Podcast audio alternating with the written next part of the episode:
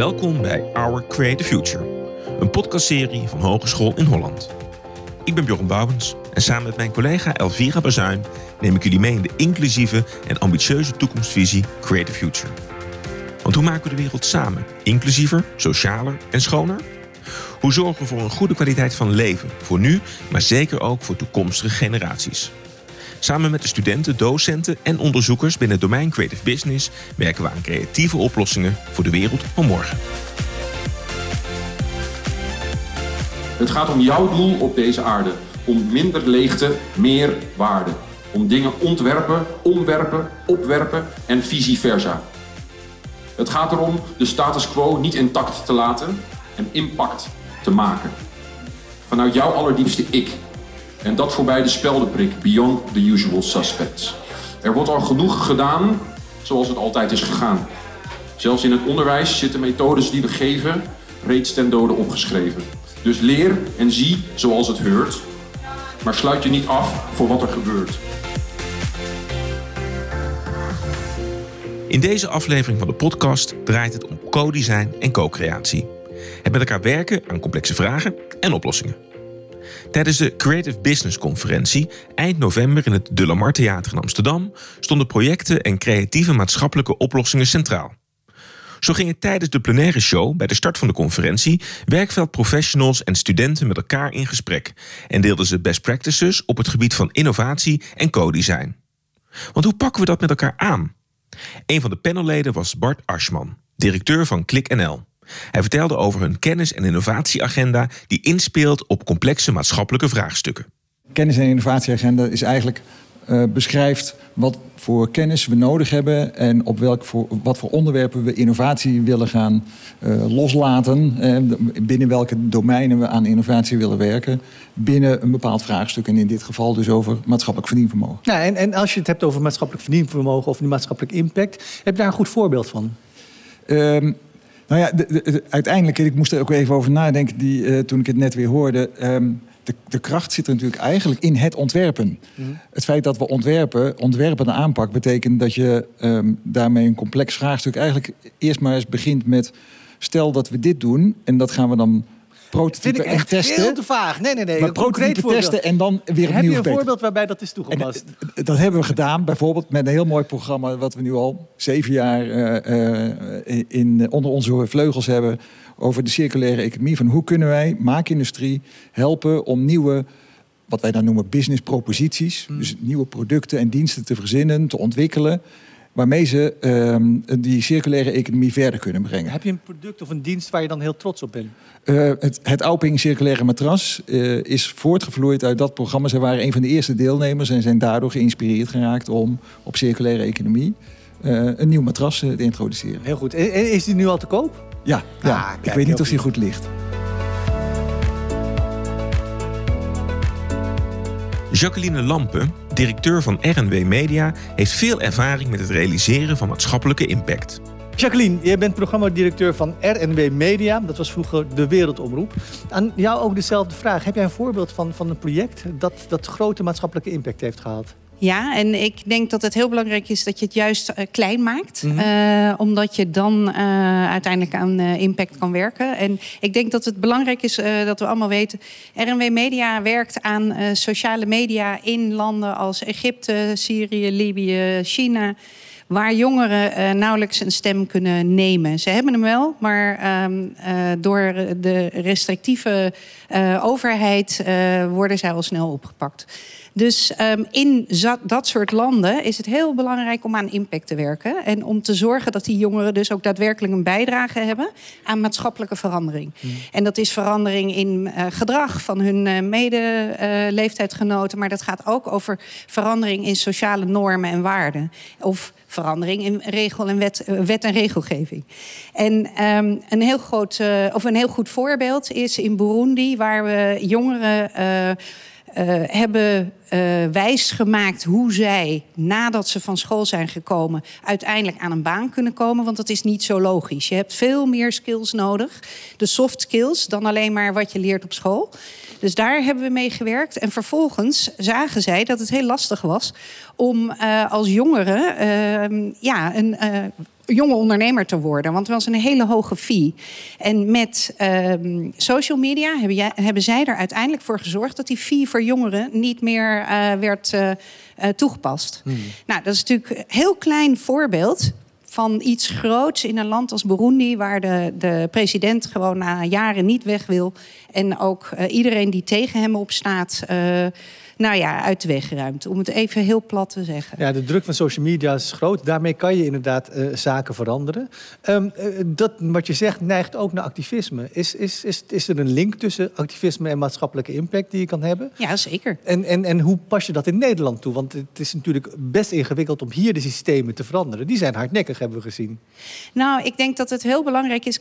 Uh, ik geloof heel erg in de samenwerking tussen activisten en partijen die dan vervolgens de op oplossingen bieden. Activisten die roepen wat er nodig is. En dan een maatschappelijk middenveld wat zorgt dat er ook daadwerkelijk oplossingen ontstaan. En die gaan gezamenlijk in overleg met overheden. En dat werkt in Nederland zo. Het werkt ook in al, allerlei andere landen zo. Waarbij je in Nederland als activist wel je stem kan laten horen. En um, nou ja, wat uh, het voorbeeld van uh, kick-out Zwarte Piet in, in um, wat was het, Staphorst, ja. is natuurlijk een vreselijk voorbeeld, omdat wij het recht hebben op uh, demonstratie. demonstratie. Ja. En dus activisten, ze zijn al sinds de jaren tachtig bezig. En die hebben zoveel voor elkaar gekregen dat we nu eindelijk zien dat in de meeste steden al een andere oplossing is. Ja. En ik denk dat dat een heel goed voorbeeld is. Maar het is niet alleen de activisten. Het is vervolgens een aantal organisaties die komen met oplossingen. En een overheid die het uiteindelijk oppakt. Een Rutte die eindelijk na een aantal jaren zegt: van god, ja, eigenlijk hebben ze wel gelijk. En ook hier gaat het dus om samenwerking. Het, het gaat bundelen, over samenwerking. Uh, versterkt, versterkt het, het, ideaal in ieder geval. Ja. Samenwerken. Ook in dit geval blijkt het ook echt weer de beste oplossing voor complexe vragen. En ook al begin je klein, als je maar doorzet en blijft samenwerken, wordt je maatschappelijke impact uiteindelijk steeds groter. Iemand die daarover mee kan praten is Bart van Doorn, sales manager bij Madurodam. Over klein beginnen gesproken. Bart van Doorn, welkom. Je bent uh, sales manager bij Maduro Dam. En ik weet niet of iedereen dat hier weet. Maduro Dam is uh, opgericht ter nagedachtenis van George Maduro... die een verzetsheld was in de Tweede Wereldoorlog van de Antillen, nota bene. Het een verhaal dat dat veel vergeten wordt. Dus in zijn nagedachtenis is Maduro Dam opgezet. Die maatschappelijke impact, op welke manier wordt dat bij Maduro Dam toegepast? Ja, ik denk vooral dat het goed is om te weten dat hè, iedereen hoort nu uh, George Maduro, maar daarnaast zijn we ook uh, een, een fondsenwerver, een social enterprise avant la lettre. Um, vanaf dag één gaan eigenlijk alle winsten die Maduro dan maakt, die vloeien weer terug de maatschappij in. En dat doen we door middel van het Madurodam Kinderfonds. En het Madurodam Kinderfonds is opgericht om juist kinderen te inspireren om iets voor een ander te betekenen. En uh, samen juist grote problemen aan te pakken, maatschappelijke problemen aan te pakken en daar het verschil in te maken. Dat doen we door middel van onze eigen uh, maatschappelijke evenementen die we doen. Maar juist ook bij alle commerciële evenementen die we organiseren, proberen we dit verhaal steeds meer uh, naar voren te brengen. Ja. Omdat, nou, Jacqueline zei het heel, heel goed je moet klein beginnen. Nou ja, waar kan het beter dan in Madurodam, waar natuurlijk alles hartstikke klein is. Um, maar juist uh, ben ik ook echt van mening dat als je klein begint, kan het alleen maar groter worden. En ik denk dat dat heel belangrijk is. En een, een concreet voorbeeld daarvan is, um, wij organiseren jaarlijks uh, het Vonkdiner in Madurodam, waarbij we 100 brugklassers en 100 ouderen van het Ouderenfonds bij elkaar brengen. Die zetten we aan tafel om en om, om juist met elkaar in gesprek te gaan en juist die verbinding te zoeken. En um, het mooie daarvan is, er staat altijd een hele grote kerstboom in de foyer. En daar uh, plakken zij dan vervolgens hun fotootje in met erop nog een leuke tekst. En we merken ook dat daar gewoon uh, gesprekken voor de lange termijn en ook in de maanden daarna aan vast blijven kleven. Ja, want daar ben ik wel benieuwd naar. Hoe zorg je dat het voorbij de speldenprik gaat? Hoe zorg je dat het een langdurig traject wordt waarbij er echt een gedachteverandering is, behalve en niet alleen een leuke middag of leuke avond? Nou, ik denk dat dat uh, met name inderdaad, wat Jacqueline ook net, net aangeeft, is dat dat is wel echt bij beleidsmakers, uh, beleidsmakers bij de tv, die ervoor zorgen dat juist die boodschap verder wordt uitgebracht. Kijk, Madurodam is natuurlijk een heel mooi park. Iedereen kent het. Ga er ook zeker een keer naartoe. Dan krijg je dit verhaal nog een keer te horen. Uh, maar wij kunnen er wel voor zorgen dat bij de evenementen die, die hier georganiseerd worden... waar ook vaak politiek aanwezig is... juist dit elke keer weer naar voren wordt gebracht. En op die manier we ervoor zorgen dat het uh, verder gebracht wordt. En dat kan eigenlijk alleen maar samen te werken. Ja, en het samenwerken brengen van verschillende groepen met verschillende achtergronden. Ja. Om daar wat meer begrip en ook ja. solidariteit te creëren. Juist, en dat doen we inderdaad uh, door middel van het college van burgemeester en wethouders. Die allemaal jaarlijks een challenge moeten organiseren. En waar komend jaar uh, met name het klimaat heel erg uh, hoog staat. En dan een goed voorbeeld daarvan is bijvoorbeeld Clean Up de Buurt. Hè, door verschillende middelbare scholen uit verschillende wijken aan elkaar te koppelen en uh, de straten schoon te maken. Ja, en maken dan ook altijd weer een wedstrijd van. En welke school haalt nou het meeste afval op? En op die manier maak je het toch ook speels, leuk en probeer je impact te maken. Naast werkveldprofessionals schoof er ook een oud studenten aan bij het panelgesprek. Emma Stoop, inmiddels junior onderzoeker bij In Holland en gespecialiseerd in het creëren van maatschappelijke impact.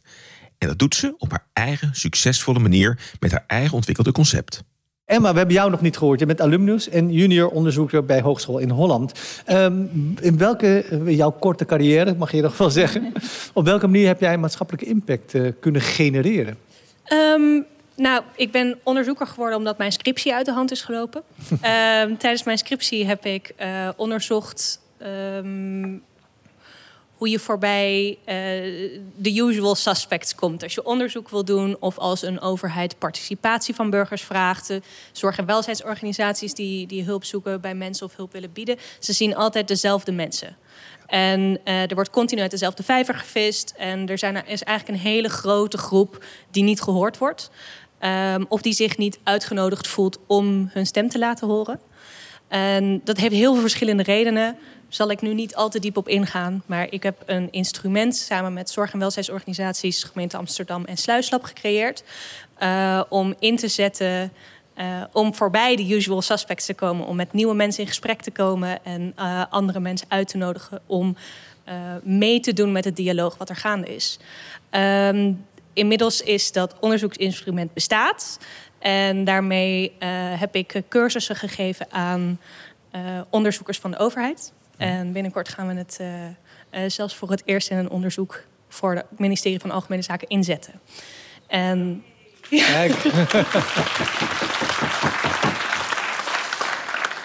Um, en het um, echt met het idee van: oké, okay, er moet gewoon op een andere manier ook naar, naar onderzoek gekeken worden, zo nu en dan. Ja. We kunnen niet altijd maar aan die vaste uh, klassieke methodes blijven vasthouden. En uh, we moeten ook gewoon zo nu en dan eens even anders denken en, uh, en linksaf gaan in plaats van rechtsaf. Hoe ontvankelijk zijn mensen ervoor? Want juist die klassieke methodes hebben zich in al die eeuwen, decennia bewezen.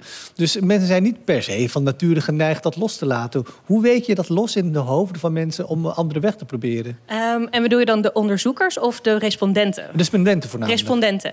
Ja, dan, we kennen natuurlijk allemaal de enquête. Mm. Um, wie heeft hier wel eens een enquête van de gemeente in de bus gehad? Om mening over iets te geven. Wie heeft daarop gereageerd? Nou, er gaan er heel veel handjes omlaag. um, en uh, dat heeft dus die verschillende redenen. Uh, de ene voelt zich niet uh, um, senang bij het geven van een mening. Denk bijvoorbeeld aan een immigrant die uit een, met, met, een achtergrond in een land waar de overheid hostile is. Mm. die, die durven eigenlijk dat contact niet aan te gaan. Uh, dan heb je verder uh, nou ja, een beetje de klassieke misschien. Hè, vrouwen die denken van ja, uh, zal ik mijn mening wel geven? Ben ik daar wel, hè, heb ik genoeg wetenschap daarvoor? Telt mijn mening wel? En zo heb je heel veel andere voorbeelden van mensen die zich niet aangesproken voelen door die klassieke methodes. Omdat die vaak ook bureaucratisch van aard zijn.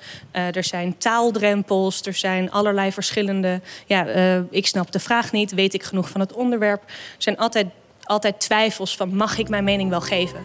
En daar uh, spitst de buurtkoffer, het instrument spitst daarop in. Dus echt om uit te nodigen van jij hebt ervaring als persoon in deze samenleving en dus jouw ervaring is waardevol. Ja, dus het besef dat die ervaring, je eigen kennis en je eigen netwerk ja. waardevol is, dat is de stap die de tool, die koffer, eigenlijk ja. al uh, in gang zet. Emma nam de buurtkoffer van het podium mee naar de workshopruimte, waar de bezoekers na de plenaire show konden komen buurten. Maar nog even terug naar het begin. Hoe is Emma op dit idee gekomen? Design thinking en co-design hebben daar een grote rol in gespeeld. Ik ben Emma, uh, Emma Stoop. Uh, ik ben begonnen als communicatiestudent in Rotterdam. En toen ben ik voor mijn scriptie naar Diemen gegaan. Omdat ik hoorde dat we daar via design thinking methodes konden afstuderen. Dat vond ik wel heel interessant, want mijn vraagstuk uh, vroeg wel om wat experimentatie. En uh, uiteindelijk, uh, ja, de, de, grote vraag was hoe, hoe kom je voorbij de usual suspects? De mensen die altijd vooraan staan om hun mening te geven, die de bureaucratische wegen kennen. Um, want vaak worden er dan nieuwe manieren gevonden, hè, nieuwe participatiemethoden. Maar opnieuw zijn het diezelfde mensen die daar komen opdagen. En in welke gebieden gaat dit, uh, waar uh, mensen vooraan staan, zeg maar? Uh, dat gaat bijvoorbeeld over participatie bij de gemeente. een bewonersavond waarbij wordt besproken wat er met het park wordt gedaan. En, uh, of hè, dat ene pleintje wat nu heel kaal is en daar willen ze iets mee gaan doen. Dus wat wil de buurt? En dan zie, je, uh, dan zie je daar gewoon veel dezelfde mensen. En je ziet vaak dat dezelfde mensen het gevoel hebben dat ze er niet welkom zijn. Of dat nou echt zo is of niet, maakt eigenlijk niet zo uit. Het gevoel is er. En uh, soms is het niet bereikbaar omdat iemand in een rolstoel zit. En de andere keer heeft iemand zoiets van: ja, uh, mijn mening telt niet, want ik ben hier naartoe geïmmigreerd. En alles ertussenin. De bureaucratische taal houdt veel mensen tegen. En daar hebben we dus de buurtkoffer op verzonnen. En de buurtkoffer is eigenlijk uh, um, gemaakt met de insteek niet professioneel. Dus we doen het net een beetje anders. Dus alles wat mensen kan afschrikken, hè, dat, dat bureaucratische, uh, autoriteitsgevoel. Um, oh, iemand komt mij iets verkopen. Iemand wil iets van mij. dat willen we allemaal uit de weg gaan. We willen op menselijk niveau met mensen in gesprek gaan. En waar kun je dat beter doen dan in hun wijk?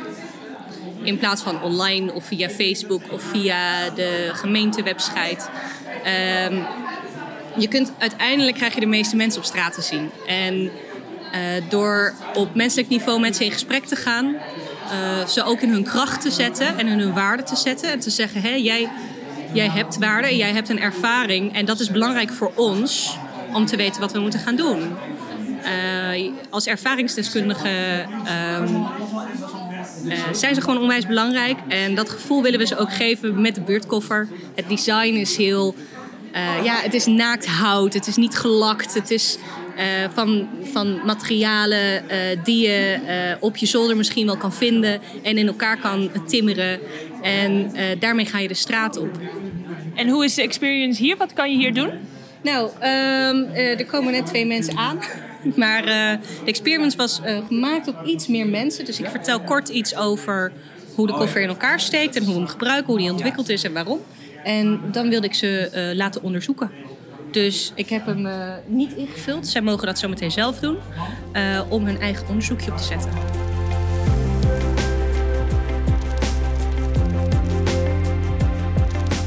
Nou, wat, wat ik fijn vind aan een dag als vandaag is dat je uh, eigenlijk in de breedte van het hele domein ziet wat er gebeurt en waar mensen aan werken. Dus eigenlijk is dit een soort etalage van wat collega's doen en wat studenten doen. Om heel erg te zien wat voor, wat voor toffe projecten aan, waaraan wordt gewerkt. Of waar mensen mee bezig zijn of wat wordt opgeleverd. Op wat voor manieren uh, we maatschappelijk impact maken. Dat was, werd vanmorgen ook benadrukt in, uh, in de plenaire sessie. En, en, met wat voor partners wordt samengewerkt. En ik denk dat dat wel echt een meerwaarde is van zo'n dag als vandaag. Dat je heel erg ziet waar iedereen mee bezig is. Omdat soms ook directe collega's. Nou, met, met Rich werk ik direct in een module samen. Er zijn ook directe collega's met wie ik niet in een module samenwerk. Maar waar ik wel mee op dezelfde locatie werk. En dat ik dan toch niet helemaal weet waar, wat, dan, wat, hun, wat zijn studenten precies doen. Of waar ze aan werken. En dat ik dan op een dag van vandaag echt even tijd heb om even stil te staan met... Oh, laat maar eens even zien. Wat, wat maken jullie nou? Wat doen jullie nou? We gaan weer terug naar het panelgesprek tijdens de plenaire show. We hoorden al werkveldpartners en een student met een uit de hand gelopen afronding van de studie, maar er stond ook een lector aan de desk. Wina Smenk. Binnen in Holland richt Wina zich op Societal Impact Design, waarmee ze dus expert is op het gebied van het veroorzaken van impact. Precies waar we meer van willen weten in deze aflevering. Hoe kan je maatschappelijk, cultureel, ecologisch of sociaal impact veroorzaken in je rol als docent of student of misschien wel werkveldvertegenwoordiger? zijn een heleboel vragen in. Dat weet ik, maar daar heb ik ook speciaal voor jou bewaard. Lekker. Uh, nou goed, ik denk uh, dat, dat het allemaal begint bij het individu wat zich bewust is dat alles wat jij doet impact heeft op mensen. Ja. En dat vergeten we wel eens. En ik denk dat het mooi is aan jouw voorbeeld van de buurtkoffer, dat je gewoon op een mensniveau met mensen in gesprek gaat. En dat je dan dus hoort wat er leeft en wat er speelt. Hmm. En als je dat als docent doet, of als onderzoeker doet, of als praktijk doet, ja, dan hoor je en zie je en voel je, denk ik, veel meer dan uh, met een enquête. Dus ik uh, ben het helemaal met Emma's verhaal eens. En ik denk dat dat een prachtig co-design instrument is. En daar ben ik heel erg mee bezig met het onderzoek doen naar hoe werk je nou tussen al die verschillende stakeholders goed samen. En in het onderwijs krijgt dat dan ook weer zijn uiting in toolkits die we gebruiken. Zodat ook studenten zich senang gaan voelen. Want een enquête is vaak wel makkelijker. Hmm, Want het is wat afstandelijker. Maar echt met iemand in gesprek gaan, daar voel je vaak toch een drempel. En dat geldt voor beide kanten. dat je iets aan de hiërarchie en de bestaande systemen moet doen. Namelijk door de docent die alles weet. Of inderdaad de onderzoeker die, die, die, die, die, die vanuit een bepaald perspectief iets gaat onderzoeken. Als je van co-design uitgaat, en dat zou op basis van gelijkwaardigheid moeten zijn, betekent het dus dat je heel veel van je zekerheden loslaat. En dat is lastig. Ja. Nee, maar daar gaat het wel over. En of het dan helemaal gelijkwaardig is, dat weet ik niet, want dat kan niet altijd. Dus je moet ook heel transparant zijn in je communicatie. Van dit wil ik met jullie uh, uitzoeken of onderzoeken, of hier willen we meer van weten. En daar hebben we allemaal iets in te betekenen, al die verschillende stakeholders. Mm -hmm. Maar uiteindelijk zijn er misschien wel kaders waarbinnen de dingen opgelost kunnen worden of niet. En ook daar moet je dan eerlijk in zijn. Het thema Societal Impact kwam later op de dag uitgebreid aan bod tijdens de workshop Societal Impact Through Co-Design. En naast Wina schoof collega Claudia Meijer aan, docent Design Thinking. Samen werken Wina en Claudia met studenten in Living Labs, waarbij ze de tool het Co-Design Canvas inzetten. Hoe zit dat? Het is gewoon echt een andere manier van studeren. We worden begeleid door coaches. Elke dag ziet er wel anders uit, dus je hebt ook elke dag andere coaches. En daar krijg je dan uh, ja, verschillende feedback van. Zolang je open staat voor veranderingen en nieuwe dingen en creativiteit, uh, ben je echt op je plek. Want je kan daar gewoon heel veel kwijt. So this was a little glimpse into how it is to be a, a, Living Lab student or a teacher. What we did now, a little welcome and intro. We watched the video. Now we will all walk around, uh, uh, or we will stand around the table, and Vina will introduce the, the canvas and discover it together. So please, let's all look at the canvas and then Vina, let's discover what it is. Yeah, so I kind of developed this in a research project, a Horizontal 2020 project, that's a European project, together with a small village that was shrinking and with the uh, residents of this village. And what they kind of found out together was that they had a lot of ideas at the municipality side, but also at the citizen side. They had all these cooperatives in energy and in landscaping and in social uh, uh, cohesion, but uh, they didn't find each other in a way. So the, the, residents wanted the government to work with them in this project, and the government also had ideas but didn't connect really with them. And they were searching for a way to cooperate in a way, or to participate, or to co design. And uh, for me, I always make the distinction between co design and co creation because I think that co creation sometimes is seen very small, like we do one session or a certain amount of sessions, but we don't take along the people, the stakeholders in the process until the end, until implementation.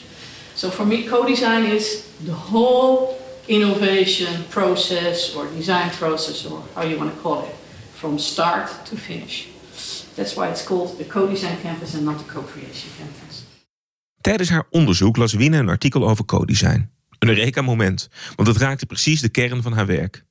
In het artikel stond dat samenwerken met stakeholders altijd vraagt om co-design decisions. Belangrijke informatie, maar ook ingewikkeld geschreven en daarom onleesbaar voor een grote menigte. Daarom besloot Wiener de basis van dit artikel te pakken en het uit te werken tot een laagdrempelig en praktisch canvas. Wat uitermate handig bleek te zijn voor de studenten van het domein Creative Business. And we changed some things and finally we came up with the co-design canvas and they are now working with it. Um, And so it's built on academic work, but also on validation in practice. And I think that that is how we should work together as research and education, that we kind of kind of go back and forth between practice, students, research, and the other way around. So that's the way I would love to work. And this is just an, an example of that. But this canvas seems also very interesting for students. It's, it's interesting for uh, research projects, uh, for cooperations, but also if you are going to develop new education together or for students tackling a societal challenge. Um, to be very short in explaining what the co-design canvas is about, because we don't have that much time, and I think you will still have questions afterwards, but you can always bring them to us. Um, but we have some cards here, and you put stuff on it. Yeah, because we want to explore it because you already have a lot of knowledge. So if you think about collaboration, co-design, what do you think are topics that come up to make this a success? If you collaborate, what do you need to know or do?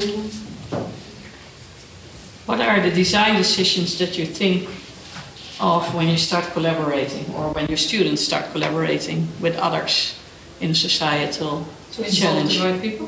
To The involve right people, yes. So one of the elements, and you see the colors here, red, uh, um, yellow, etc. So the red section, you also see it's the biggest section. Yeah, it's the who is involved. Het canvas heeft verschillende velden waar de beslissingen kunnen worden ingevuld. De belangrijkste vraag is dus: wie missen we nog? Dit sluit aan bij de werkwijze van Emma en haar buurtkoffer. Hoe gaan we voorbij de usual suspects en zorgen ervoor dat alle stemmen te horen zijn? Maar het canvas vraagt om nog veel meer. And the three elements here, what are the interests in a certain topic, the knowledge and the power. Yes, so we know who is involved. What else is important for collaboration? Why? Yeah, why? Uh, so the big why question. Always know what is the problematic situation because you want to change something, so there's something problematic. And it can be different for the different stakeholders. So it might be different complexities or different interests or different experiences that people have. So in the context, you want to make sure that you know what's going on here. So the context is very important. And as soon as you know about what the context is and how the people are involved in that, then you can write down the purpose of you guys working together. What's the reason that you are going to do that? What is your common purpose? But later on, it might change. And then we go to the focus. Because in the focus, we define the sub questions that all these stakeholders together have to work on to reach. What? To reach? What? What? what? what? Yes. So it's all about the what. And here it's about the maybe the more softer part, the impact you want to create. What we heard, it's uh, it can be uh, economic, um, socio-cultural, ecological. So what is the impact this collaboration, this project should create, and also then the results. So which specific goals do you want to, to reach? So from the high, uh, from the why, to the what. Who is involved, and then the green field. Oh, to do it. Waarom? Wat? Wie? Door aan de slag te gaan, wordt de toegevoegde waarde van het canvas meteen zichtbaar. What, what I like to say is that the whole uh, value of the canvas is to get everyone on one page. Van de theorie naar de praktijk. Wina en Claudia zetten de groep aan het werk met een creatieve challenge. Zes tafels, zes flipovers en stapels met post-its. Um, so we start one round over here, and you probably guess we have six tables, and there will be one number. So that is the answer which group you are. And as, uh, one, two, three, four, five, six. So please start and then passing. And Jeroen, you're the first one to figure out which group you are. De opdracht? Elkaar leren kennen door het gebruik van het co-design canvas. De eerste vraag: wat is je persoonlijk interesse? En vraag 2: hoe wil jij met je studie of je werk impact maken? And now uh, we were uh, together with a group, uh, a new group of colleagues and students that I don't, some of them I don't know, uh, and we're thinking about our common interests in education. So, what is our value? What is our interest? And now we're drawing um, uh, the desired impact that we have uh, want to achieve. So. Um, yeah, first we're doing it on, on post-it solo, and then uh, after a few minutes we go to the board and, uh, and create something together that we want to uh, have an impact uh, as, a, as a small uh, project group for this moment. And is your uh, impact coming together right now? Um, I see some happy Because- faces, but Yeah. uh, at the moment everyone is, is uh, trying to uh, um, to show what they, what they have in mind. Uh, and when once you do that, uh, you can start talking and you can see actually what someone means, and then you can create together. So uh, that that phase is now starting, I think. Okay. Ik ben net begonnen als docent, dus ik ben nog gewoon leren docent aan het zijn. Ja. Dus eh, en daarvoor dacht ik ook, de co-creatie, dat doen we natuurlijk heel veel met studenten. Dat vind ik ook heel leuk om te doen, ik ben ook coach. En ik denk dat dit misschien een goede tool is inderdaad. om Ja. Dus eigenlijk wil je ook zelf leren. Jouw belang is om te leren hoe doe je dat nou, een goede docent zijn met co-creatie of dat soort dingen. questioning the way things are. Could you maybe um, and in that way maybe come to new ideas. Yeah. Okay, so it's like the beginning of, of something big, yeah who knows? Maybe. how big it is it will depend on the person. And small is good as well. I mean some people can reach very big things can can achieve something and others not but that's not not a problem No. i mean it's individually Okay, thank you. You've drawn a heart. Why, why is that? Uh, yeah, I drew a heart because I, I hope that teachers and students um, develop their heart desire within education and that they are brave enough also to follow their heart desire. Because I think um, if the heart desire connects to what the world needs, then yeah, we can all make the world a better place. So. En na gedane arbeid was het tijd om na te kijken. Group two?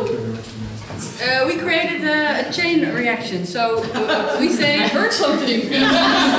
we say it all starts with ins- ins- to inspire each other, uh, to make sure that the surroundings are safe, to inspire and to talk about your heart wish. There you see a heart desire, a spark, so to find out what sparks you, what makes your heart tick. Uh, then, um, when you think out of box together with students and teachers, then um, great things can happen. Like, uh, for instance, uh, the desire to uh, make sure that the to shed a light on reality and on the truth, which is difficult truth, uh, but to make sure that the perception of one another uh, is uh, more uh, direct and not via others, via media. So we come up with a show where we're going to, uh, uh, yeah, you're going to produce it. What's the idea? where we uh, inspire, inspire even more. That is how, how we're going to create impact as our small group. Mag ik misschien vragen, wat neem je mee van deze eh, workshop? Ehm, dat het eh, ja, altijd goed is om ehm, als team te bespreken wat je interesses zijn en wat jouw eigen doelstelling is. En dan eh, zul je tegenkomen dat je toch heel veel ehm, overeenkomsten hebt. Ook al ben je misschien op het eerste gezicht heb je, werk je op een hele verschillende plek of eh, ben je toch, zie je er anders uit. Ehm, dus ja, als je daarover praat, communiceert, dan denk ik dat er hele mooie dingen uit kunnen komen. Met ook dit canvas, ja. En hoe eh, denk je dit te gaan inzetten in je studie? Ehm, ja, wij werken natuurlijk heel erg in groepen bij mijn studie International Creative Business. Dus communiceren, gewoon echt goed praten met elkaar. Want je merkt toch wel dat in teamwerk af en toe best wel lastig gaat. Maar als je toch terugkomt op, hé, hey, we hebben een gezamenlijk doel. We willen allemaal steeds studie halen bijvoorbeeld. Of misschien iets anders. Dan eh, ja, communiceren. Dat komt goed.